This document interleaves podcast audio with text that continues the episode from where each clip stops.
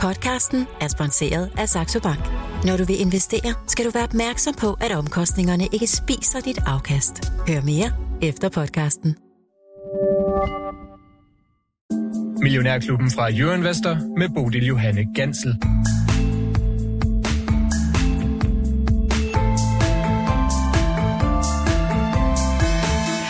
Indrømmet, jeg står altid inden en regnskabssæson og tænker, fedt, nu har vi lige om lidt et klart og utvetydigt billede af de børsnoterede selskabers økonomiske tilstand. Det er et billede, som vi kan bruge til at lave oplyste, gode og sunde investeringsbeslutninger ud fra. Men øh, her på bagkant af regnskaberne, så synes jeg ærligt talt, at det er lige så svært at bedømme, hvilke aktier, der skal op og hvilke, der skal ned. Velkommen til onsdag i Millionærklubben, hvor jeg heldigvis har allieret mig med to meget, meget klogere mennesker på aktievalg, end øh, jeg selv er. Michael Friis Jørgensen og Dan Weisse. Godmorgen og velkommen til jer. Godmorgen. Michael, som er aktiechef i H.C. Andersen Capital og porteføljeforvalter i klubben, og Dan Weisse, der er porteføljeforvalter og partner i investeringsforeningen MW Compounders.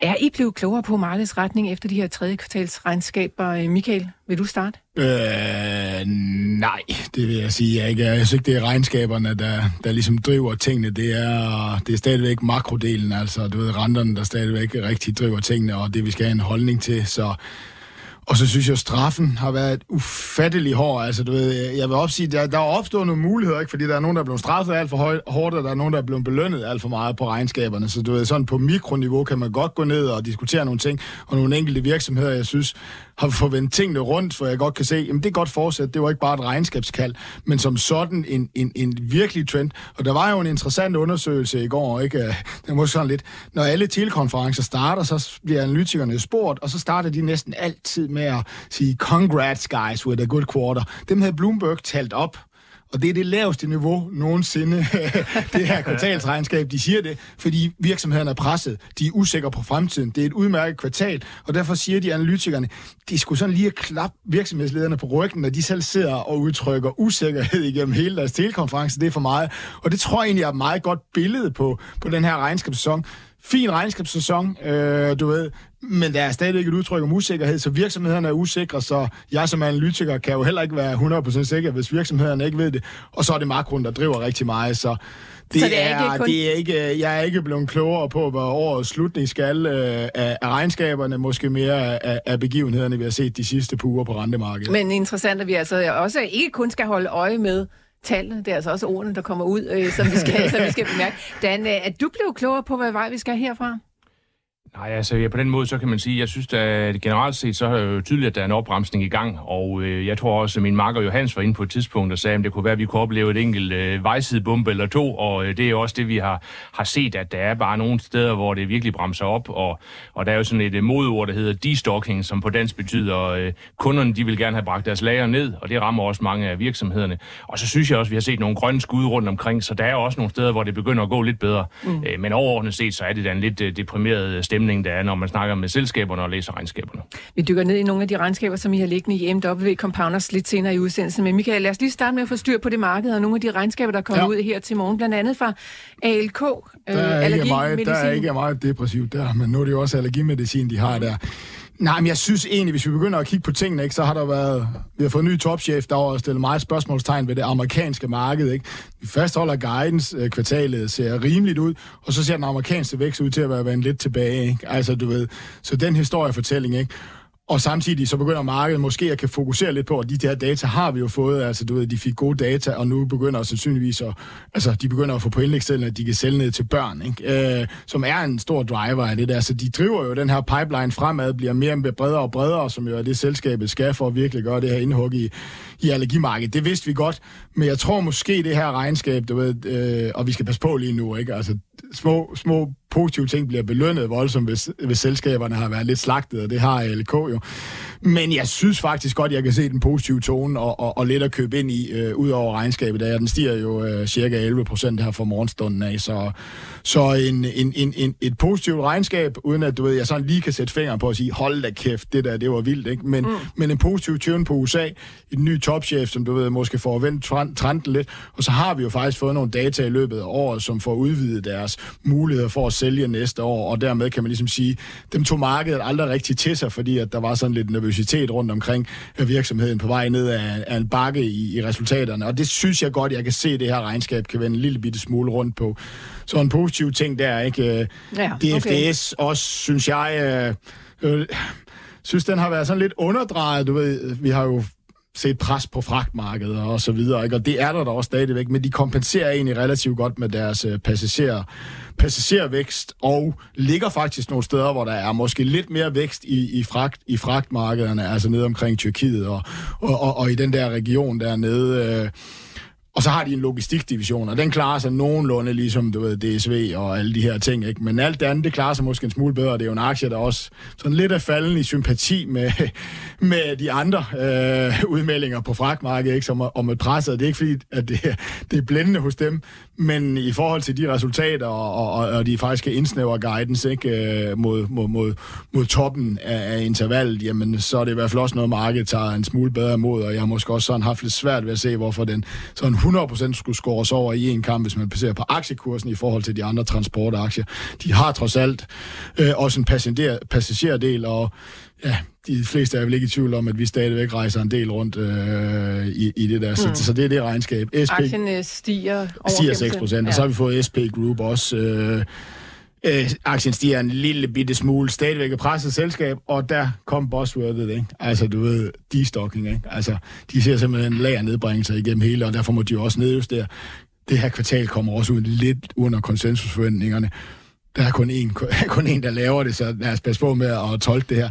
Jeg begynder måske godt at kan ane en eller anden form for en smule optimisme i, i, i, i det, der siges der, og, og, og hvis vi kigger fremad øh, i det der, og så er det jo en utrolig billig øh, industriaktie. Altså hvis man skal ind i et industrisegment, så er det en af de aller, aller billigste. Hartmann var den billigste. Øh, den her, det var den anden billigste for, for kort stykke tid siden. Og SP Group, de laver sådan noget... De laver plads, plads, pladsløsninger, ja. ikke? Meget til automotive, meget til medtech øh, og, og, og medical sektoren. Det kunne man tænke, automotive, det kan vi godt forstå. Der er en vel lagernedbringelse. Medtech, hvorfor det ikke mere stabilt? Der er også lagernedbringelse, ikke? Så de er jo igennem det her år, hvor de har lavet nogle opkøb, kan, du ved, øh, accelereret væksten lidt ind, og så, så, så er, det, er man jo igennem et år, hvor, hvor, hvor, hvor kunderne bringer lager ned. Ikke? Altså, det er jo en midlertidig effekt, men det rammer jo ikke desto mindre resultaterne. Ikke?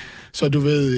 Øh, der, øh, det her regnskab siger ikke, at det er over. Øh, det tror jeg også, du hører fra alle selskaber. De ved ikke, hvornår de her lagernedbringelser er over, vel? Men, men på trods af dem, måske lidt optimisme, hvis man endelig skal, og, og aktien er også en, en 3% op her fra, fra morgenstunden på, øh, på det her regnskab. Det, der kommer jo ikke yderligere nedjusteringer den, i forhold til den i august.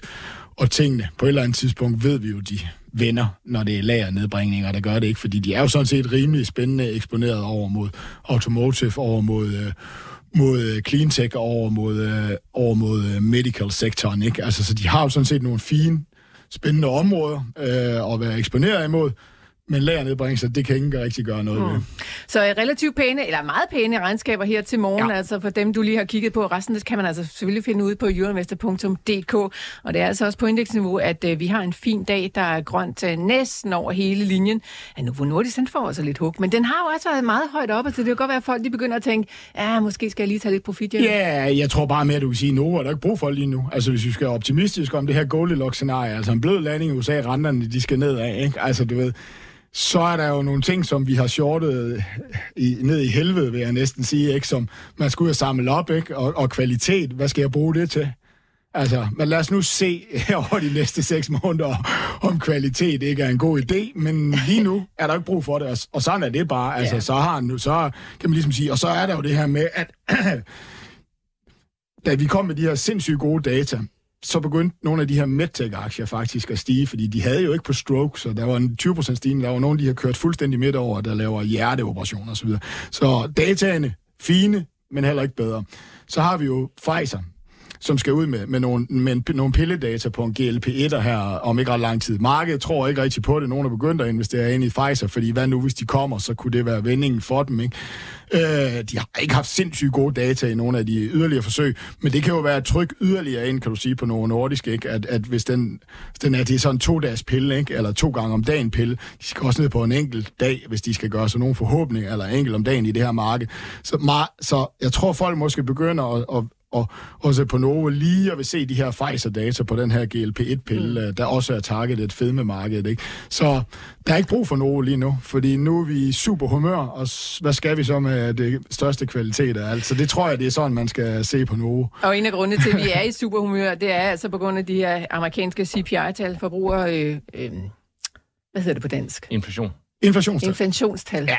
Forbrugerpriser, det var det ord, jeg ledte efter. Yes, Ja. tak, tak til mig selv. Nå, ja, ja. de var altså øh, lavere, end øh, vi havde regnet med i USA, ja. og det fik altså markedet til at gå helt amok i går derovre, at øh, aktierne de blev øh, vælt, de drønede simpelthen op, øh, og, og alt var bare til at købe. Ja, ja, ikke alt. Vi skal tale med Mads Christiansen lidt senere. Han øh, skal tale om Sea Limited, der ikke lige var så positiv på Ja, jeg tror, jeg tror, men, men det er en anden sag. Og jeg tror, det er 95 procent, altså Brethren, altså det, der hedder viden af amerikanske aktier, steg i går. Mm.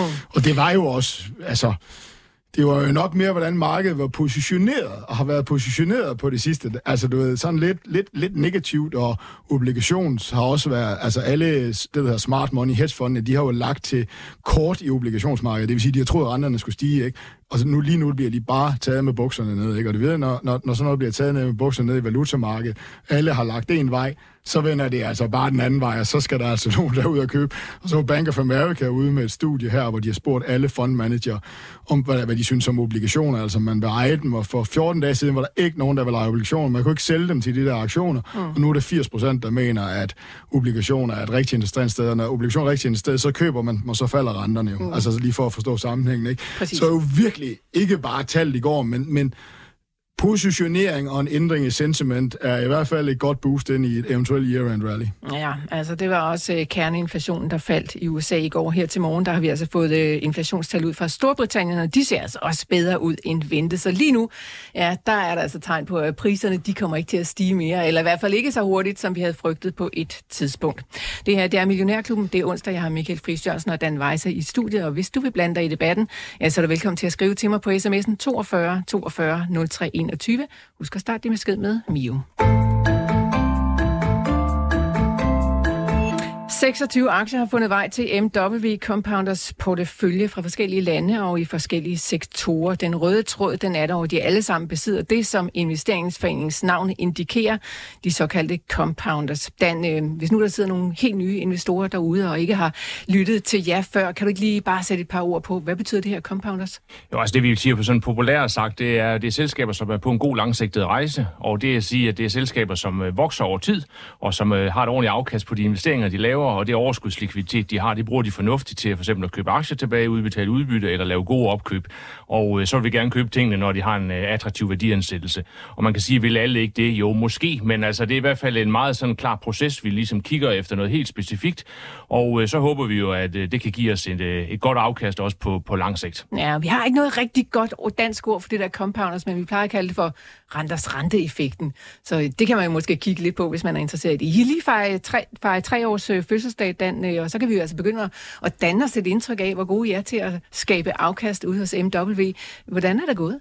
Jamen, det er sådan set gået ganske godt. Altså, øh, jeg tror, øh, vi er omkring 50 procent op, siden vi startede. Øh, så det er jo sådan set ret godt, sådan absolut. Og så er det jo meget i vores branche, så er det også meget, hvordan gør man det i forhold til markedet? Og der tror jeg, vi er, jeg tror, det er en 17 procent bedre end markedet efter de omkostninger, der har været ved at være med. Så, så vi er jo glade for, at dem, der var med fra starten, de i hvert fald kan sige, jamen hov, det har faktisk også været ganske fint at være med, og det er bedre end bare at ligge passivt i markedet. Øh, Så det er vi sådan set ret glade for, og synes, at er et rigtig, rigtig godt resultat. Og, og det ved man jo aldrig, når man starter, der, der har man jo øh, nogle slides, og så håber man, at det der slides, det også kan blive til nogle resultater. Så, øh, så vi synes egentlig, at det er vi ganske godt tilfreds med. Og vi skal jo altså bruge typisk sådan 3-5 år for at vurdere sådan nogle øh, selskaber som jer, og nu er der altså noget data, som vi på en eller anden måde kan begynde at læne os lidt op af.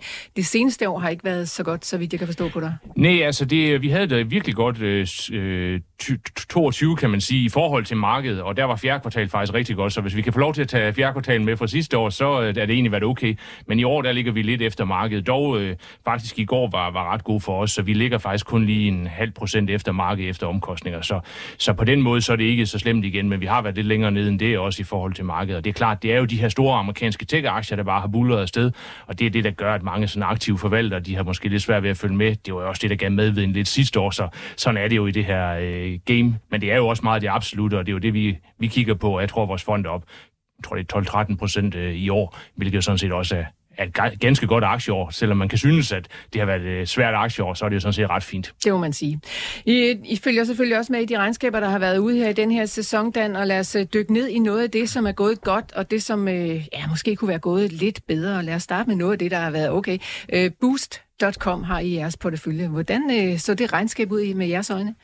Jamen, det så jo ret godt ud, fordi det, der sker, det er jo, det er klart, forbrugeren bremser op, og der har været ret dårlige tal, både fra Zalando og About You, og de der, der er også nogle engelske aktier, de faldt helt ud af sengen, øh, Asos, altså de har virkelig problemer. Så jeg tror, at de fleste, altså aktien har ligget ret dårligt øh, i år, faktisk har været en af vores dårligste aktier øh, ind til regnskabet. Så jeg tror, at vi sad og snakkede om, øh, sådan er det jo altid, når der kommer regnskab, så har man sådan en idé om, jamen nogle ting, det kan man, uh, det er vi lidt bange for, og så er der andre ting, at de skal nok komme med noget godt, ikke?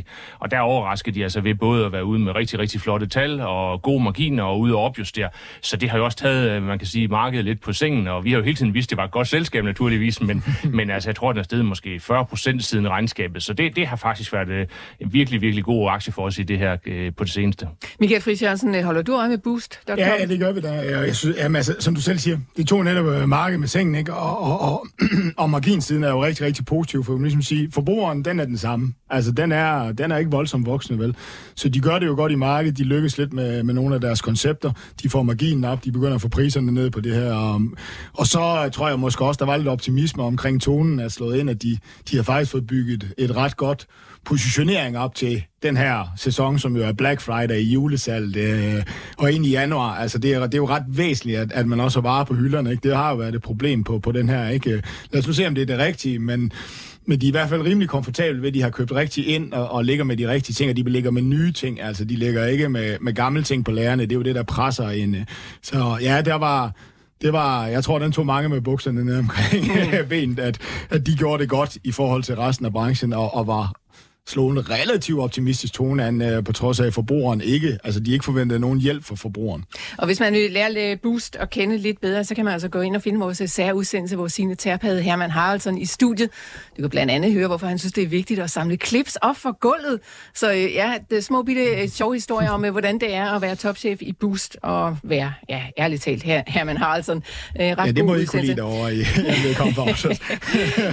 Den, øh, et andet selskab, som øh, jeg synes, vi skal omkring, som ligger i jeres portefølje, det er TSMC, og vi er inde i det her øh, chipfelt, øh, semiconductors, som jo har været altså, øh, all over the place, hvad jeg lige vil mhm. sige, igennem et stykke tid, og måske lidt svært at finde ud af, hvor vi skal hen herfra. Hvad, hvad tænker du om det regnskab, der kommer ud?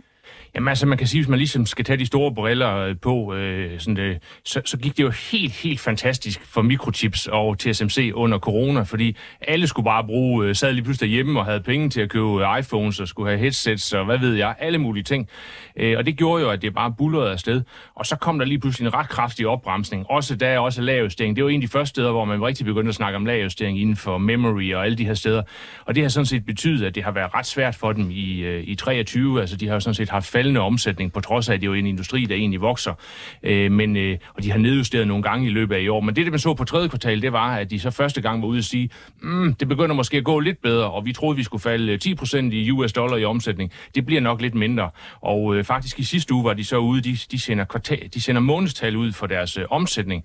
Og der var de faktisk ude i øh, for oktober og havde en omsætningsvækst på, jeg tror det var 16% i forhold til året før, og 35% i forhold til kvartalet før. Der er altid lidt sæson, det er altid stærkt i øh, oktober og november, men, men det var sådan set lidt en af de der grønne områder, hvor jeg snakkede om. Man ser lige måske lidt nogle positive skud på, at det begynder at vinde, og det vil jo også være mærkeligt, fordi alle snakker AI, og AI kan jo kun lade sig gøre for alvor, hvis man øh, får nogle af de her nye chips, og der sidder TSMC helt, helt centralt. De har nærmest dominans, øh, altså nærmest monopol på de allerbedste chips.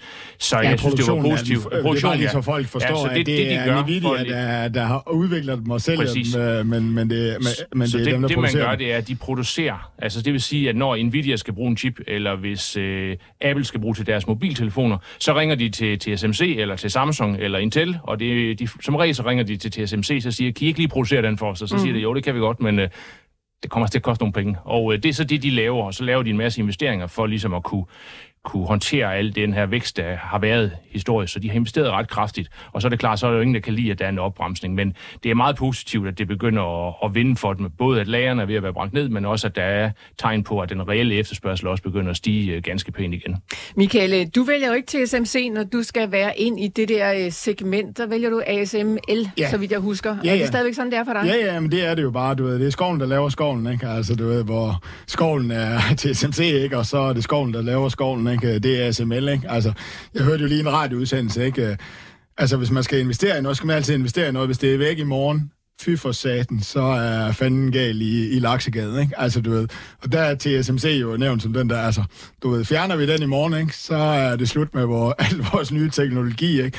Men fjerner du ASML, så går der tre, må- så går der tre eller seks måneder, så er det færdigt med alt ny teknologi, ikke? Fordi så har man ikke fået lavet de nye maskiner, de laver de nye mikrochip. Og jeg kan bare bedre lide at investere ned der, fordi, som du selv siger, chipsektoren har altid været for mig øh, sådan lidt for cyklisk. Du ved, altså, jeg kan ikke rigtig regne den ud. Hvornår skal jeg være med, og hvornår skal jeg ikke være med? Altså, så de sidste fem år har det jo været ligegyldigt, men, men i år har jo været en meget god indikator på, på det her. Ikke? Så, så jeg har altid haft svært ved at regne den ud, og du står også lidt og trækker på det. Den er op 60 procent i år, ikke? Men, men, men det er jo, hvis I skulle have valgt en chipaktie, så var det jo nogle andre. Ikke? Altså, det, er jo, det viser jo sådan lidt, altså, joken med, at, at, at det er gået godt med TSMC, men man skulle egentlig have valgt nogle andre chipaktier, hvis det er. Det er de der problemer, jeg har, derfor vælger jeg den her. Men TSMC er jo rigtig, rigtig interessant på, på den lange bane. Øh, laver jo investeringer i Europa og USA, ligesom for at få, få bredt deres, øh, deres kæder ud. Så du ved, skulle jeg ind i chipsektoren, du ved, så, så tror jeg egentlig også, at jeg gik derned, fordi det er ikke der, hvor man får AI-hypet og 500% på et år i, i Nvidia, men den ligger bare og tjørner den langsigtede trend inden for chipsektoren, lidt ligesom ASML. Så, så, så ud for de betragtninger, så er jeg bare gået et skridt tilbage. Øh, ja, for nu jeg, jeg, jeg er også lidt med 500% på et år med Nvidia. Jeg ved godt, den er om med 250, men der er også et stykke. Jamen, ja, det året er heller ikke om endnu. det er selvfølgelig rigtigt nok. Den, øh, den der cyklicitet, som Michael han taler om inde i den der sektor, hvordan, øh, hvordan svømmer I igennem den? Jamen, det er jo svært at svømme igennem. Øh, jeg vil så sige om ASML, at det nu er det, der er anderledes på ASML den her gang, og så sidste gang, hvor der var en krise, det er jo, at øh, de har så store øh, ordrebøger, at de kan levere lang tid, for ellers så vil jeg faktisk våge den påstand, at ASML er mere cyklisk, fordi hvis der virkelig skal stoppes op med at producere mikrochips, altså investere, så er ASML, så kommer de til at sælge ingenting, hvor TSMC, de har jo salg, fordi der skal jo stadigvæk bruges mobiltelefoner. Så jeg synes faktisk, at ASML har en større risiko, det så man i hvert fald under finanskrisen, men det, der har været det meget positive, har været, at at øh, ordre backloggen har været altså, så stor, at de har bare kunne sige, okay, der er godt lidt problemer nu, men altså, ved du hvad, vi er lige vil først levere om fire år, eller hvornår det men, er. Og det er egentlig, det er, der, det er derfor, jeg kalder den mindre cyklisk, ikke? fordi at du har en ordrebog, der, hvor der er nærmest visibilitet frem til 2027, ikke? altså fordi TSMC og alle de der, de har lagt de her ordre. Ikke? Øh. Men er der ingen af jer, der kunne være lun på Nvidia? Jeg ved godt, den er steget over 240 øh, procent i år, så det løb er måske fuldstændig kørt. Så at øh, en overskrift jeg dykker ikke ned i artiklen, men en overskrift, der viste, at Michael Burry nu er, har shortet den. Øh, ikke at noget, det er noget tegn på noget som helst, Michael, det har du før talt om. Ja. At man kan ikke bare sådan læne sig op, bare oh. fordi at man har ramt øh, noget rigtigt en gang, så man gør det igen. Men, men er der noget stadigvæk at komme efter i uh, Nvidia? Hvad tænker altså, I? Vi, jeg har ikke regnet på den, og det kan nemt være, fordi det er jo, de er jo helt, helt centrale, og de siger jo også, at det, der skal ske, det er jo, at du skal til at bruge de der GPU, altså i stedet for CPU, som er det, man typisk regner med, så bruger man de der GPU'er. Det vil sige, at man kan bruge de eksisterende Center, og så kan man ligesom upgrade til dels med øh, de her nye. Så på den måde, så kunne det være meget interessant. Men det, jeg synes, det der er, det er jo, at nu, jeg ved ikke, hvilken multiple den handler på. Det er jo et fantastisk selskab, men det, jeg har godt kunne lide ved TSMC, det er, at indtil for nylig, så handler den på 12 gange indtjening for nogen, der er helt, helt centrale. Øh, det, der er risikoen ved TSMC, det er jo mere det her, der også er noget geopolitisk. Altså, det er jo det, der ligesom gør, at den handler, hvor den gør lå det som et amerikansk selskab, der var, havde sine fabrikker i USA, så handlede den tre gange så meget. Ja, du ligger altså på Taiwan. Jamen, altså, jeg synes, jeg synes, Nvidia er rigtig svært. Det er her, jeg kommer ind på. Skal du være lidt ekspert, ikke? Microsoft offentliggør jo i dag deres egen AI-chip. Uh, Amazon er forventet at gøre det samme. Apple følger nok meget, meget snart med inden for AI. Altså, du ved, så, så kommer de i konkurrence med dem, ikke? Men, men, men, men man har jo bare den her dominans. Ikke? Jeg tror, at AMD de sælger for 2 milliarder AI-chips ind til datacenter, og, øh, og øh, øh Nvidia forventes næste år sælge for 60-80 milliarder. Ikke? Der er jo en enorm boost. Alle de her hyperscalers, de er jo ikke i tvivl om, at de investerer i de her ting, så på den korte bane, en PE 30-33, som den ligger på, den er jo kommet kraftigt ned, på trods af, at aktien er sten så meget. Jamen, ja, altså, jeg, jeg kan forstå udmærket, at de er investeret i den. Jeg er bare, du ved, nogle gange så, når jeg siger, at jeg ikke er klog nok, og, og det er jeg ikke i chipsektoren, så holder jeg mig til skovlen, til skovlen, ikke? Og, og, og, og, og man skal altså passe lidt på, øh, det sker ikke lige i morgen, men lige pludselig, så er der en eller anden, øh, øh, så er der et eller andet, der sker, hvor man siger, jamen, der, de, nu kommer der altså konkurrence ind i det her segment. Nogle af de der hyperscalers, det er jo, prøv at forestille dig at stå med, jeg er nærmest på bedende knæ over for mig, som Microsoft over for Nvidia. Må vi ikke godt få nogle chips, ikke? Vi skal nok betale en masse for dem, ikke? Prøv at tænke, hvad det gør op i hovederne på de der tre kæmpe store hyperscalers, der bygger alle vores datacenter. Mm. Hvis de kan komme i nærheden af selv at designe en chip, blandt andet som, sammen med ARM, du ved, der kan konkurrere lidt med det her, så er de jo nok villige til at tage lidt, altså lidt effektivitetsnedgang øh, i, i, i starten. Altså, det bliver lidt dyrere, det her, ikke for at simpelthen komme ud af den der pine, det er at være op mod dem. Og derfor, og det har ikke noget at gøre med en kort bane, for jeg kan sagtens se, at den kan køre videre op, for det er sindssyge øh, øh, investeringer øh, i, ind, ind i AI lige nu. Det er jo første bølgen, den, den ligger jo hos Nvidia, den er jo ikke begyndt på software-siden endnu. Men fordi at de er blevet så dominerende og at de jo altså har nogle frygt indgydende selskaber. Altså det er jo verdens største pengekasser, der er i gang med at udvikle deres egen, fordi at de skal bruge det her i fremtiden, ikke? Så ja, så har jeg den ikke. Men du ved, det er bare du ved, lige min egen årsag til ikke at have den og forklare mig selv, hvorfor jeg går glip af 250 procent i år. Ja, men øh, ingen tvivl om, at der kommer til at ske rigtig meget på det område. Når vi taler AI, det er ja, formentlig først lige gået i gang.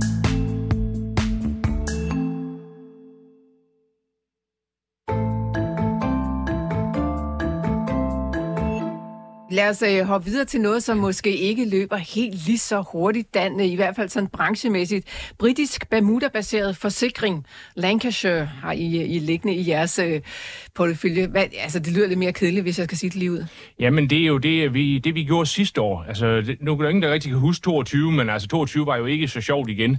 Øh, og noget af det, vi prøvede at arbejde på, der, det var, at vi ville prøve at finde aktier, som ikke var så konjunkturafhængige. Og Lancashire, det er jo et forsikringsselskab og så laver de også genforsikring. Så det vil sige, at deres risiko, det er meget sådan storme og øh, orkaner og sådan noget. Så det har jo ikke noget med konjunktur at gøre. Så derfor tænkte vi, at det jo sådan set kunne være en fin aktie, og det har været en industri, som har været under presse på grund af sikkert klimaforandringer. Der har været flere og flere naturkatastrofer, og de her forsikringsselskaber, der har lavet genforsikring mod stormen, de har ikke rigtig fået nok betaling for den øgede risiko. Men nu er det lykkes over de sidste fem år bare at hæve priserne ganske betragteligt, sådan at de er nået til et niveau nu, så selv når der kommer sådan en, en ret stor storm, som der kom sidste år, så kan de øh, holde skinnen på næsen. Det, der så faktisk er sket nu, det er, at udover at de kan holde skinnen på næsen, selv når der kommer de rigtig store storme, jamen så øh, har der ikke rigtig været det i år. Og det betyder at lige pludselig, så tjener de faktisk ret mange penge og begynder at hælde øh, penge ud til aktionærerne. Så det har faktisk været en ret god aktie. Jeg tror, det har faktisk nok sammen med Boost været den den bedste aktie, vi har haft her de sidste par måneder. Øh, så det, det, der sker, det er simpelthen, at man har fået priset sig op og det vil sige, at der er mange, der også har forladt industrien på grund af, at der har været nogle dårlige år. Så det har faktisk været en ret, øh, ret fin aktie for os øh, på den måde, og de var altså ude med et ret fint regnskab, hvor de også, jeg tror, det var op mod 10 procent af kapitalen, de vil sende tilbage til aktionærerne. Altså, jeg synes, der har været mange storme, øh, men det er måske bare i vores del ja, af verden, altså, det, hvor de ikke er... Jo, men det har der også, men det der så også sker, der sker ligesom to ting. Der, når man laver det, vi jo faktisk over at se det, der hedder Lloyds marked, og var inde, det er jo sådan et, et old school forsikringsmarked, hvor man sidder og snakker, så går man hen og siger, hvad kan du tænke dig at forsikre den her? Ja, måske kan du snakke med ham derhen, han vil måske give en anden pris. Altså, det var meget sjovt. Øh, men, men det der så er, det er, at man kan jo ligesom øh, lave to ting i de her forsikringer. Man kan sige, øh, hvor meget skal du betale? Der har de hævet priserne ret meget. Man kan også sige, hvor meget skal der til, før jeg skal betale for den der genforsikring? Og der har de altså fået hævet præmierne og fået hævet de der niveauer, hvor forsikringsselskaber, den måde genforsikring er, det er jo, når man er forsikringsselskab, så tegner man en forsikring, og så vil man gerne afdække noget af sin risiko. Så ringer man rundt til nogle af de andre ind på løjsmarkedet, eller går rundt og siger, kunne I tage noget af den risiko? Øh, så der er nogle selskaber, der er specialiseret i det, der hedder genforsikring. Og det de så har gjort, det er, de sagt, jo, men øh, øh, før i tiden, så var det måske, hvis du skulle betale, øh, lad os nu tage bare et tal, 50 millioner dollars, så begynder vi at betale penge. Men nu har vi altså lige hævet det til 70 millioner dollars. Så der har været en del storme, men der har været færre beløb, de skal betale, fordi de også har fået hævet det niveau for, hvornår de skal øh, træde til. Men hvor store er de? Jeg kender kun sådan noget Swiss Re, som er et genforsikringsselskab, der er jo gigantisk store. Hvor store er de her ja, de er, ret, de er forholdsvis små. Altså, de er en mindre spiller. Altså, der er jo de der kæmpe store mm-hmm. øh, forsikringsselskaber, hvor det er en del af deres forretning, men de er specialiseret inden for det.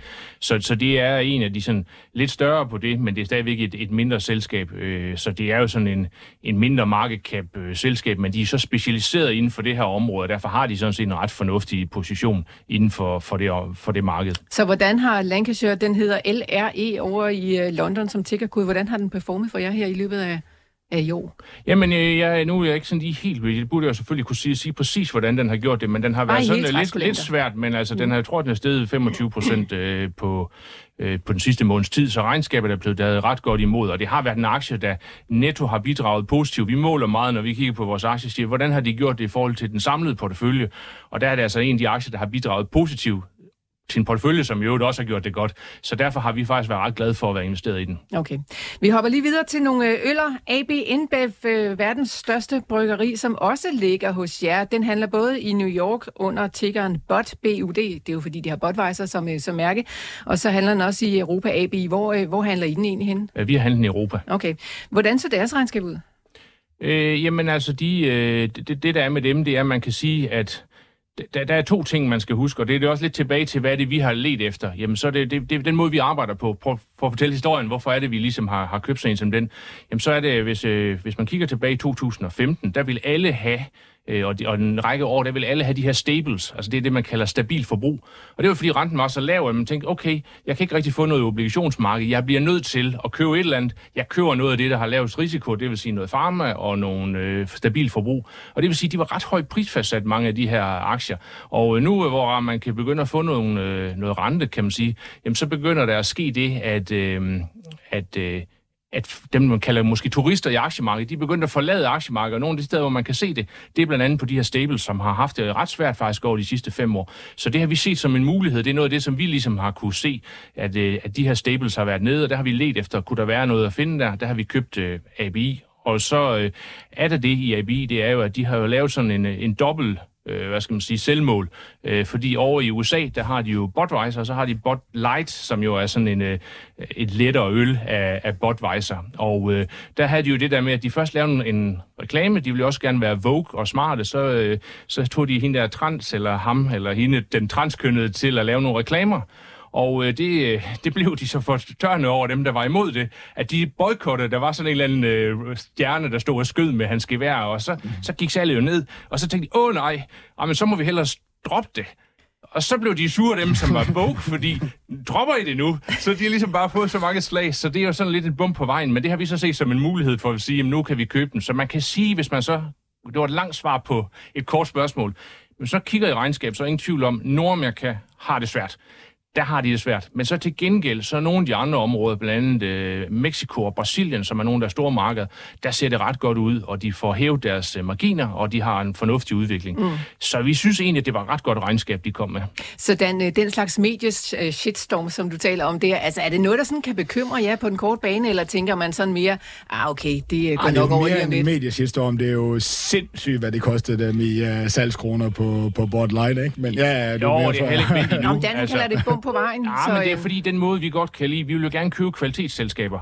Og øh, når man køber kvalitetsselskaber, så er det også rart at købe dem til en god, attraktiv værdiansættelse, fordi hvis ikke man gør det, så bliver det ikke en god aktie. Og derfor kan vi egentlig godt lide, hvis der er sådan lidt noget bump på vejen. Og der synes jeg, det er et bump på vejen, fordi så fokuserer aktiemarkedet kun på det, hvor man siger, jamen det er jo sådan set kun en del af deres forretning. Øh, Så på den måde synes vi også, det gav et godt øh, kan man sige, entry point i aktien. Mm.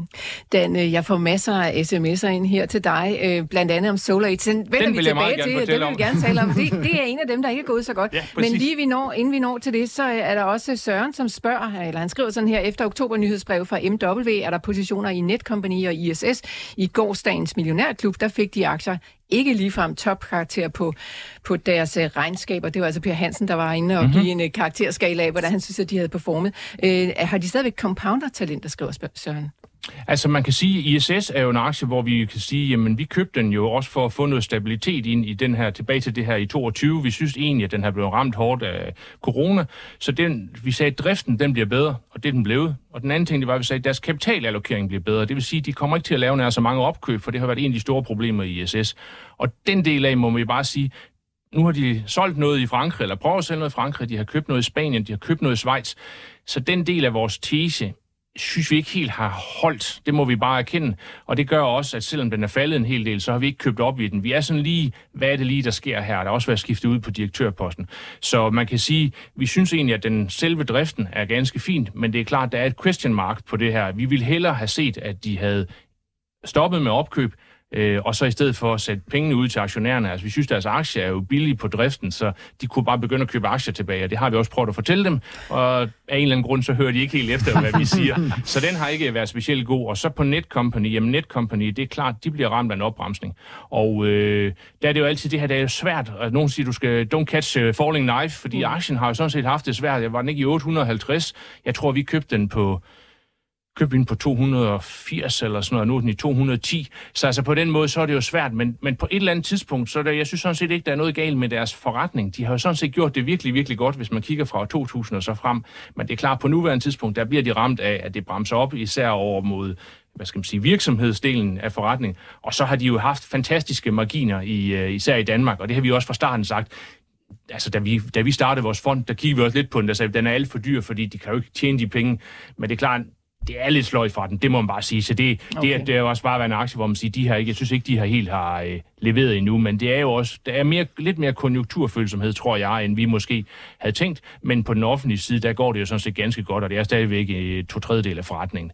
Så jeg vil sige, den er vi overhovedet ikke givet op på overhovedet. Vi har, vi, det er for nylig, vi har købt den, men jeg vil da hellere, at uh, selskaber leverer rigtig gode regnskaber hver gang, og det har de ikke gjort. Det er klart. Som jeg hørte, så bliver ISS og Netcompany ikke sådan lige øh, smidt ud med det første, men altså, I har lupen fremme Godt. Hvis I tager jeres headset på, så kan I uh, høre med nu, for vi har nemlig fået Mads Christiansen med på telefonen. Godmorgen og velkommen til, Mads. Godmorgen, Bodil. Tak. Fondchef i New Deal Invest. Mads, uh, en af de uh, amerikanske analytikere, som jeg følger derude i cyberspace, uh, han brugte overskriften om Sea Limiteds regnskab Lost at Sea. Hvad skete der lige der? Ja, jamen øh, jeg, jeg synes, at vi skal prøve at starte med at, at kigge på regnskabet, fordi jeg, jeg, jeg, jeg synes, det var godt øh, er faktisk fint. Ja. Og, øh, og, og, og nu føler jeg virkelig, at jeg taler imod hele verden. Det føles lidt ligesom, da jeg snakkede godt fra Caravana for et år siden, øh, at at, at, at det er svært at gå til C-Limit regnskabet. Men hvis vi sådan starter med, med at, at kigge på regnskabet, så, så skal man gøre det samme, som når man kigger på Amazons regnskab. Man skal dele omsætningen op i det, som er attraktivt, og det, som er lidt er ligegyldigt. Øh, og i Amazon, der er det deres gamle 1P-forretning, altså den, hvor, hvor Amazon selv sælger varer til kunderne.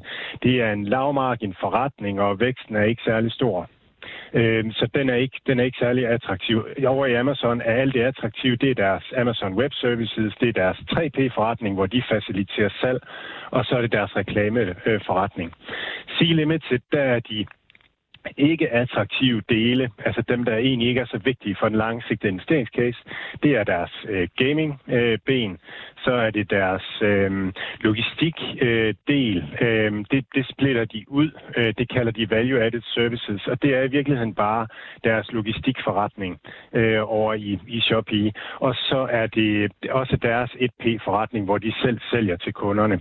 Øh, det er de ikke attraktive øh, dele af det. Øhm, og, og så er der de attraktive dele, og det er der, hvor det er deres 3P-forretning, hvor de faciliterer salg for, for kunderne, og så er det deres... Øhm, og så er det deres øh, digitale finansielle øh, platform. Og, og den totale omsætning i det her kvartal var 3,3 øh, milliarder, og de attraktive dele øh, udgør 1,8 8, øh, 7-8 øh, milliarder af den omsætning. Og de dele vokser øh, med 3-34 øh, procent i dollars og, og lidt mere i lokal valuta. Så der er rigtig god øh, vækst øh, derovre, er rigtig attraktivt højmarken del. Så er der gaming-delen, den øh, falder i omsætning. Og gaming, når man analyserer gaming-virksomheder, så er der stor forskel på at kigge på bookings, altså de penge, der kommer ind, og så kigge på omsætningen. Øh, Øh, der er noget, der, hvis man regner sådan i almindelige regn, øh, anerkendte regnskabsmæssige standarder, det man kalder gap, så skal man udskyde noget af omsætningen til senere, og det gør, at det bliver sådan lidt, lidt kompliceret at se på. Øh, og det nemmeste, det er at regne i bookings, og så regne i øh, adjusted EBITDA, når man kigger på gaming-virksomheder. Og så, men men det, det gør mange ikke. De slår det bare sammen og kigger på gap. Men gaming, gaming falder. Sådan som jeg synes, man skal se på gaming, det er, at man skal se på, at de genererer, kommer til at generere et EBITDA øh, på, på på mellem en halv og en hel milliard øh, fremadrettet årligt. Øhm, og så, og så er der, øh, så er der logistikforretning, og den falder i omsætning kvartal over kvartal, og den falder faktisk øh, år year over year i omsætning. Så det trækker den samlede omsætning i Shopee nedad. Og grunden til, at den falder, det er, at man har udbygget logistikken, så man er blevet mere effektiv og kan sænke priserne for kunderne. Og min søn, han har en, en virksomhed, der har sådan en, en, en øh, tre, tredjeparts logistikforretning for små øh, e-handlere. Og, og jeg siger er de er prissensitive. Så det vil sige, at, at det her det er simpelthen en måde for Shopee at at, at, at gøre platformen meget mere attraktiv øh, for de her handlende, som, som, som er den ene side af deres platform. Så det er super stærkt, at, at den del af omsætningen falder. Øhm, Men Mads, øh, nu øh, dykker vi meget ned i detaljerne i regnskabet, men altså, jeg kan da konstatere, at du måske så er den eneste, der er tilbage, der er positiv på den aktie, fordi den faldt altså 22 procent i går efter det regnskab. Så hvad er det, alle de andre ser eller er bekymret for, som du er ligeglad med? Jamen, hvis, hvis du tager det på koncernniveau, så, øh, så ser du en virksomhed, som vækster med 5 procent øh, og kører med underskud. Øh, og omsætningen er Øh, 3,36. Omsætningen er en 12-14 milliarder om året. Øhm, så så passer det meget godt at sige, så skal market cap være 20 milliarder øh, dollars. Øh, og det er det, det er det, den er faldet til nu i prissætning. Så hvis man ser sådan på det, så er det fint. Hvis man, hvis man så dykker ned i det og så siger, hvad skal en gamingvirksomhed koste, der giver et, et EBITDA på en, på en milliard dollars om året? Den skal koste 12 milliarder. De har en 5 milliarder i cash stående, så er gamingvirksomheden plus cash, det er næsten deres market cap, og hvis du så lægger øh, deres logistikvirksomhed oveni og, og, og den her e 1P-virksomhed, så har du i hvert fald for 20 milliarder. Det vil sige, så får du reelt set alt det attraktive gratis. Og det omsætter for for de her 7,2 milliarder om året, og vokser øh, nummer 30 procent af en højmargin forretning, det vil man normalt prissætte til et sted mellem 5 og 10 gange, øh, gange salg. Øh, så, så det kunne være det kunne være et sted mellem 35 og 70 milliarder værd. Så, så hvis, man, hvis man laver de der some of the parts øvelser, som, som mange siger, det skal man ikke, men hvis man gør det alligevel, så får man andet blik på aktien, og så, så vil, vil man kom frem til, at, at, at færre pris var, var to til tre gange den aktuelle pris lige nu. Mm. Mads, øh, øh, som du er inde på, så har de altså tre ben at stå på. De har Shopee, de har Garena, som er deres øh, gaming øh, arrangement, og så har de C-Money, som er sådan den finansielle del af, af C-Limited. Øh, inde på det der Shopee-område, der er der jo altså gigantisk stor konkurrence. Det ser ikke ud som, det bliver mindre. Shein fra Kina har gjort det vanvittigt godt og fået fat i et øh, hav af forbrugere rundt omkring i hele verden. TikTok er der også derude, som er meget, meget store. Og så er der også kommet noget, der hedder Altså, ja, det kan godt være, at det har været der lang tid. Jeg har bare først opdaget det nu. Det hedder Temo, og det vælter ind med reklamer på, fra Temo på, på mine sociale medier her de sidste par måneder. Altså, øh, ting, som på en eller anden måde ser ud som at sådan opstå nærmest fra den ene dag til den anden og bare blive gigantisk stort. Kan de følge med i den konkurrence?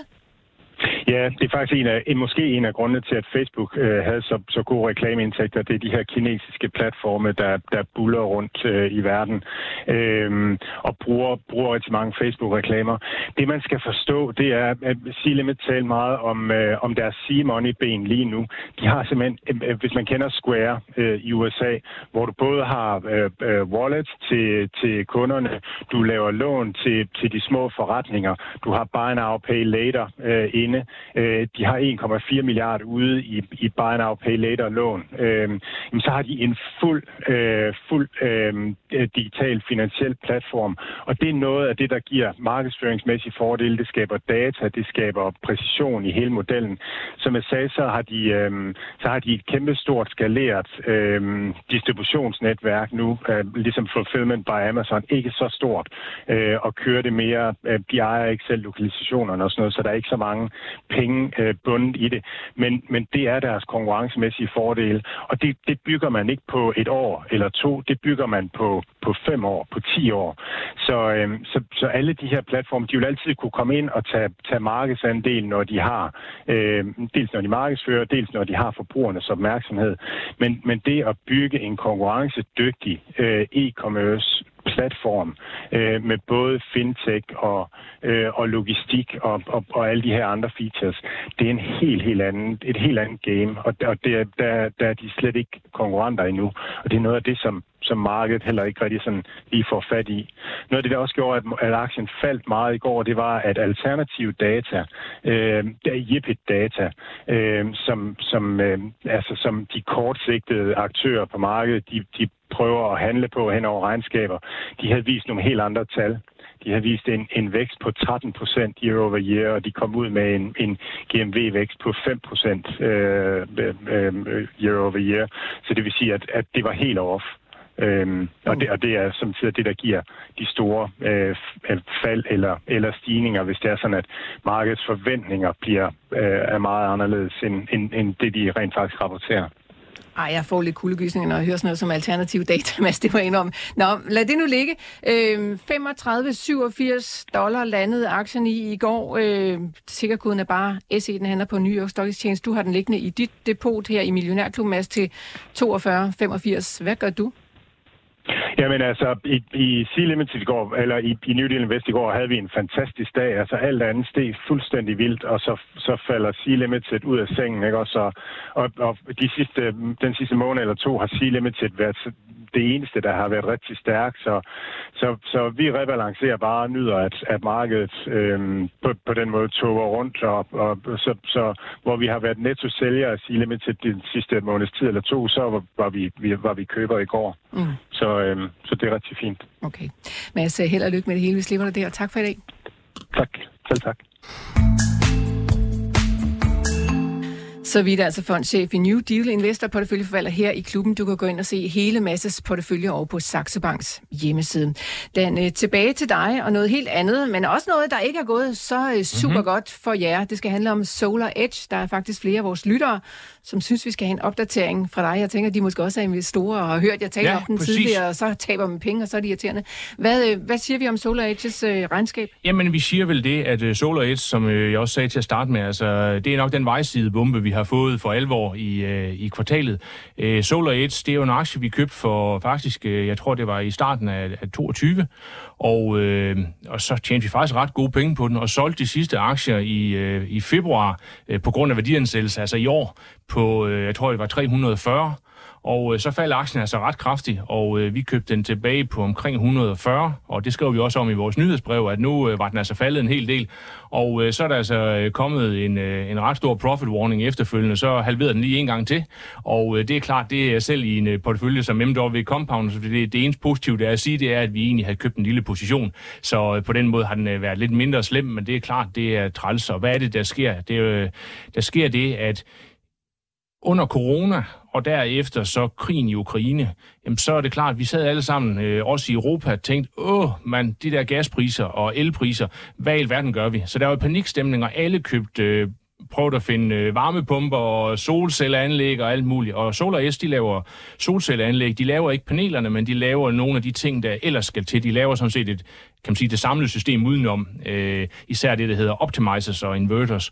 Og øh, hvad er det så, der sker nu? Jamen, der sker vel flere forskellige ting. Det vigtigste er, at renten er steget ret meget. Og det betyder, at hvor man tidligere nærmest kunne smide det gratis på taget, de her anlæg, jamen så koster det faktisk en hel del penge. Øh, så det er den ene ting. Så, så, så selve efterspørgselen bremser op. Den anden, der sker, det er jo, at når øh, krigen i Ukraine øh, desværre stadigvæk øh, er, er i gang, men, men, men altså gaspriserne er jo kommet ned, elpriserne er jo kommet ned igen. Den værste panik har fortaget sig i Europa, øh, så det gør også, at det bremser op. Og så i USA, der har det største marked været Kalifornien, der har de lavet om i reglerne, og det, det er alle sammen ting, man har vidst, og det vidste vi også, da vi købte aktien, men vi har bare været overrasket over, hvor meget de så bliver ramt. Og det er det også, fordi der sker, nu kommer det her berømte ord, destocking igen. De sagde på deres kald, øh, de har tidligere opsat for, jeg tror, en milliard i kvartalet. Og øh, nu siger de så lige pludselig, at vi kommer til at omsætte for 300 millioner øh, i fjerde kvartal. Altså, det er jo ikke bare sådan lidt opbremsning. Og det, de siger, de siger, jeg tror, de tror egentlig, den reelle omsætning er en 600-700 millioner, men bare på grund af, at alle de der distributører, de har, de siger, at vi skal ikke have noget som helst, fordi priserne falder, og I kommer sikkert også til at sætte priserne ned. Øh, så, så det er det, man kalder destocking for alvor. Mm. Øh, og det gør så, at de bliver ramt både på omsætning og på indtjening. Det, der så er det gode, hvis man skal prøve at sige noget positivt, det er, at de har faktisk ret mange penge på balancen, fordi de, de solgte også nogle aktier dengang, det bare alle ville købe deres aktier med arme og ben. Øh, så det vil sige, at de har omkring 25 procent af markedskaben i kontant. Og det vil sige, at nu begynder de sådan set at købe aktier. De justerer på deres, øh, hele deres kapacitet. Og øh, så mener jeg jo grundlæggende, at jeg tror ikke, at den grønne omstilling er om, bare fordi, at øh, aktien stiger. Det bliver nok lidt sværere i en periode, og der er en destocking-periode. Men jeg tror sådan set, at tingene kommer igen. Nok ikke det der over stok og sten. Så vi har også suppleret lidt op i den, men det er stadigvæk en mindre position, fordi den er altså lidt en vild aktie at have, for at sige det som det er. Øh, så det har ikke været en specielt god øh, start på den øh, position. Vi har sammenlagt øh, stadigvæk faktisk tjent øh, ret gode penge til porteføljen, men det er da en af de træls øh, oplevelser i kvartalet. Den handler på Nasdaq, og tickerkoden er SEDG Solar Edge, hedder den altså. I går der steg den altså ja, tæt ved 11 procent, så det var sådan set en meget god dag. Det var sådan set meget fint, ja. det kan vi ikke klage så, øh, Den skylder også... Øh... Den skylder lidt mere, men var det, at det, var det alene en rentehistorie, at den steg så meget i går? Altså, det sker jo, øh, man kan sige, det det er, det er jo, at nogle af dem, der steg rigtig meget, man kan også sige, som Ørsted er steget 25 procent fra bunden. Hvorfor stiger nogle af de aktier? Jamen, det er jo fordi, de er jo rentefølsomme. Fordi deres slutkunde har brug for, at renten kommer ned. Så hvis der er et tegn på, at renten kommer ned, så hjælper det den type aktier. Og så har der også bare været noget med, øh, det var det Michael han sagde, hvordan er markedet positioneret? Altså køb Novo, køb øh, Long US Tech og sælg alt det andet, og især noget, der lugter af rentefølsomhed. Og det betød faktisk for vores portefølje, jamen øh, den steg ret meget. Vi har nogle amerikanske banker, de var oppe, jeg tror 6 og 10 procent, og vi har en del sådan noget forbrugsvarer, der steg 5-6 procent. Så altså, det siger jo lidt om nogle gange, at der, der, der kører ligesom nogle dynamikker og nogle hedgefonder, et eller andet, der bare trykker på knappen, og nogle gange så bliver de så også fanget på det andet ben, og så er det lige pludselig noget andet. Og det, det har vi jo også meget svært ved. Det er jo ikke den måde, vi investerer på. Så derfor prøver vi jo at have de der 25 aktier i forskellige sektorer. Det vil sige, en dag som i går, der har vi noget, der går rigtig godt, og så har vi også noget, der falder lidt, fordi det har så måske en rente medvind. Øh, men sammenlagt, så prøver vi jo at have en portefølje, som gør det som markedet eller lidt bedre. Michael, øh, Solar Edge, vil den øh, komme ind i din portefølje? Nej, jeg, jeg tror, den, den kræver detaljvidenskab. Altså, det jeg rigtig godt kan lide ved den, det er, at det ikke er paneler, de producerer, fordi så kommer de aldrig i min portefølje. Ikke? Altså, der har kineserne øh, gang på gang smadret markedet, og der er kun én mulighed, det er jo, at vi stopper kineserne, ikke? og så stopper vi vores grønne omstilling på, på sol. Ikke? Så, så det tror jeg ikke rigtig på. Så du kan sige, at de er på konvertersiden, hvor kineserne er i en lidt mindre del, kunne gøre det. Ikke? Øh, jeg er slet ikke i tvivl om, at, at, at det her destocking, det er så voldsomt derude, ikke? Altså, du ved, øh, og, og sentimentet er fuldstændig skiftet rundt. Men, men, men for dit svar, det kunne den sikkert godt, men jeg skulle lige bruge en 70-100 timer, som I allerede har brugt på det, for 100% at sætte mig ind i det. Fordi her der er der, altså, der er lige brug for, for forståelse af, hvor, hvor, hvor, hvor de ligger hen i forsyningskæden, hvor meget de har været ramt. Du ved, er der, er, er der du ved, kinesisk konkurrence på vej, hvilket jeg ikke tror, der er, for det er primært på panelsiden. Altså, så, så det vil være rigtig meget for at, at jeg skulle bruge rigtig meget tid for at gøre det her. Øh, for at ture det på, på solcellesiden, fordi den er farlig. Og så vil jeg faktisk hellere, du ved, jeg vil hellere, lige nu, der vil jeg hellere over at investere i dem, der, der sætter solceller op. Fordi er der nogen, der nyder godt af panelerne, de er fuldstændig er faldende i pris. At deres priser her også er faldende, og nok bliver presset ned, for der er jo en, over, der er en, over, der er en produktionsoverkapacitet lige nu, og den begynder man jo at håndtere nu i sådan nogen som Solar Edge. Hvem sætter solceller op? Jamen altså, der, der, der er ikke særlig mange. Altså, du, altså, hvis du skal have den helt store, så skal du op og have det, verdens største, du ved, grønne forsyningsselskab. Hvad hedder den? Dan Hjelmer. Ja, jeg kigger ja, altså, ikke så meget på forsyningsselskaber, men... En stor øh, amerikaner. Ej, nå, ja, det er nogle gange, så bliver jeg lige fanget. Ah, men det er også tavligt at spørge ja, det, er, det er den store, ikke? Ellers så er det jo meget mindre selskaber, du ved, og, og, og så er det jo faktisk meget, du ved, ude i, øh, i, øh, i, i, i private equity og så videre, sådan nogle ting ligger. Altså, der er nogle, der er nogle norske, øh, men altså, hvorfor kan jeg ikke lige huske verdens største? Altså, den er jo både størst på vind i verden og størst på sol i verden. Jamen, vi står og graver og graver. Ja, altså, måske jamen, er der nogen ude på Facebook, der kan, øh, der kan hjælpe os. Lige, altså, men, men, men, Men, men, men det er jo verden, det, det er jo, ah, det, alle kender den jo. Uh, alle bliver brugt som piger. Jeg skal nok lige få den gravet frem uh, fra, fra hjernen, jeg skal bare lige have et sekund til at tænke. Uh, det vil være et af stederne. Så, så det er mere for at sige, her synes jeg faktisk, det ser interessant ud på sol lige nu. Jeg, jeg tror, der, altså, der er jo en kamp, I, I kommer til at kæmpe med den her aktie. I kommer til at finde ud af, hvornår er forsyningskæderne igen bokset på plads til en eller anden vis form for størrelse. Ikke? Og det, uh, det skal der bruges noget tid på, det tror jeg, jeg vil overlade til, til nogen, der allerede har brugt en masse altså, tid man, på. Man kan sige, det, det, vi, det jeg tænker, sådan der er jeg også sådan lidt, nogle gange lidt lavpraktisk generalist, og så tænker, jamen okay, selvfølgelig kommer det til at tage noget tid, og øh, ja, det er da trælsen med sådan en aktie, men altså, der er jo også et enormt sentimentskift, der er sket. Altså, nu taler vi en aktie, som var i 360, den er faldet øh, 80 procent. Måske var det for højt, det var det nok, men, men altså, det er jo ikke sådan, at de ikke stadigvæk kommer til at sælge noget. Det, det er jeg sådan set ret sikker på, og, øh, og det er lidt den måde. Og når så du har, der er ikke nogen anstrengt balance overhovedet, der er masser nej, nej. af kontanter, og de er, viser faktisk god tiltag ved at sige, okay, det er ret voldsomt det her, men nu køber vi aktier op. Det er meget få aktier, der er mange få selskaber. Mange selskaber, de bliver jo det skært, når de bliver ramt, så de siger, at vi må heller lige sidde på kassen. Vi vil gerne købe aktier, når det er rigtig dyrt.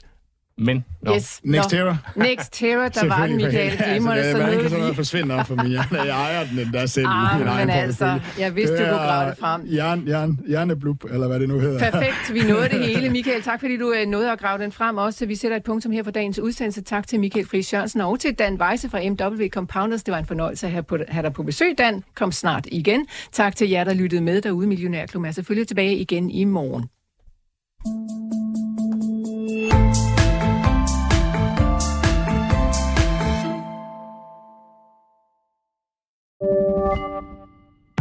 Podcasten er sponsoreret af Saxo Bank.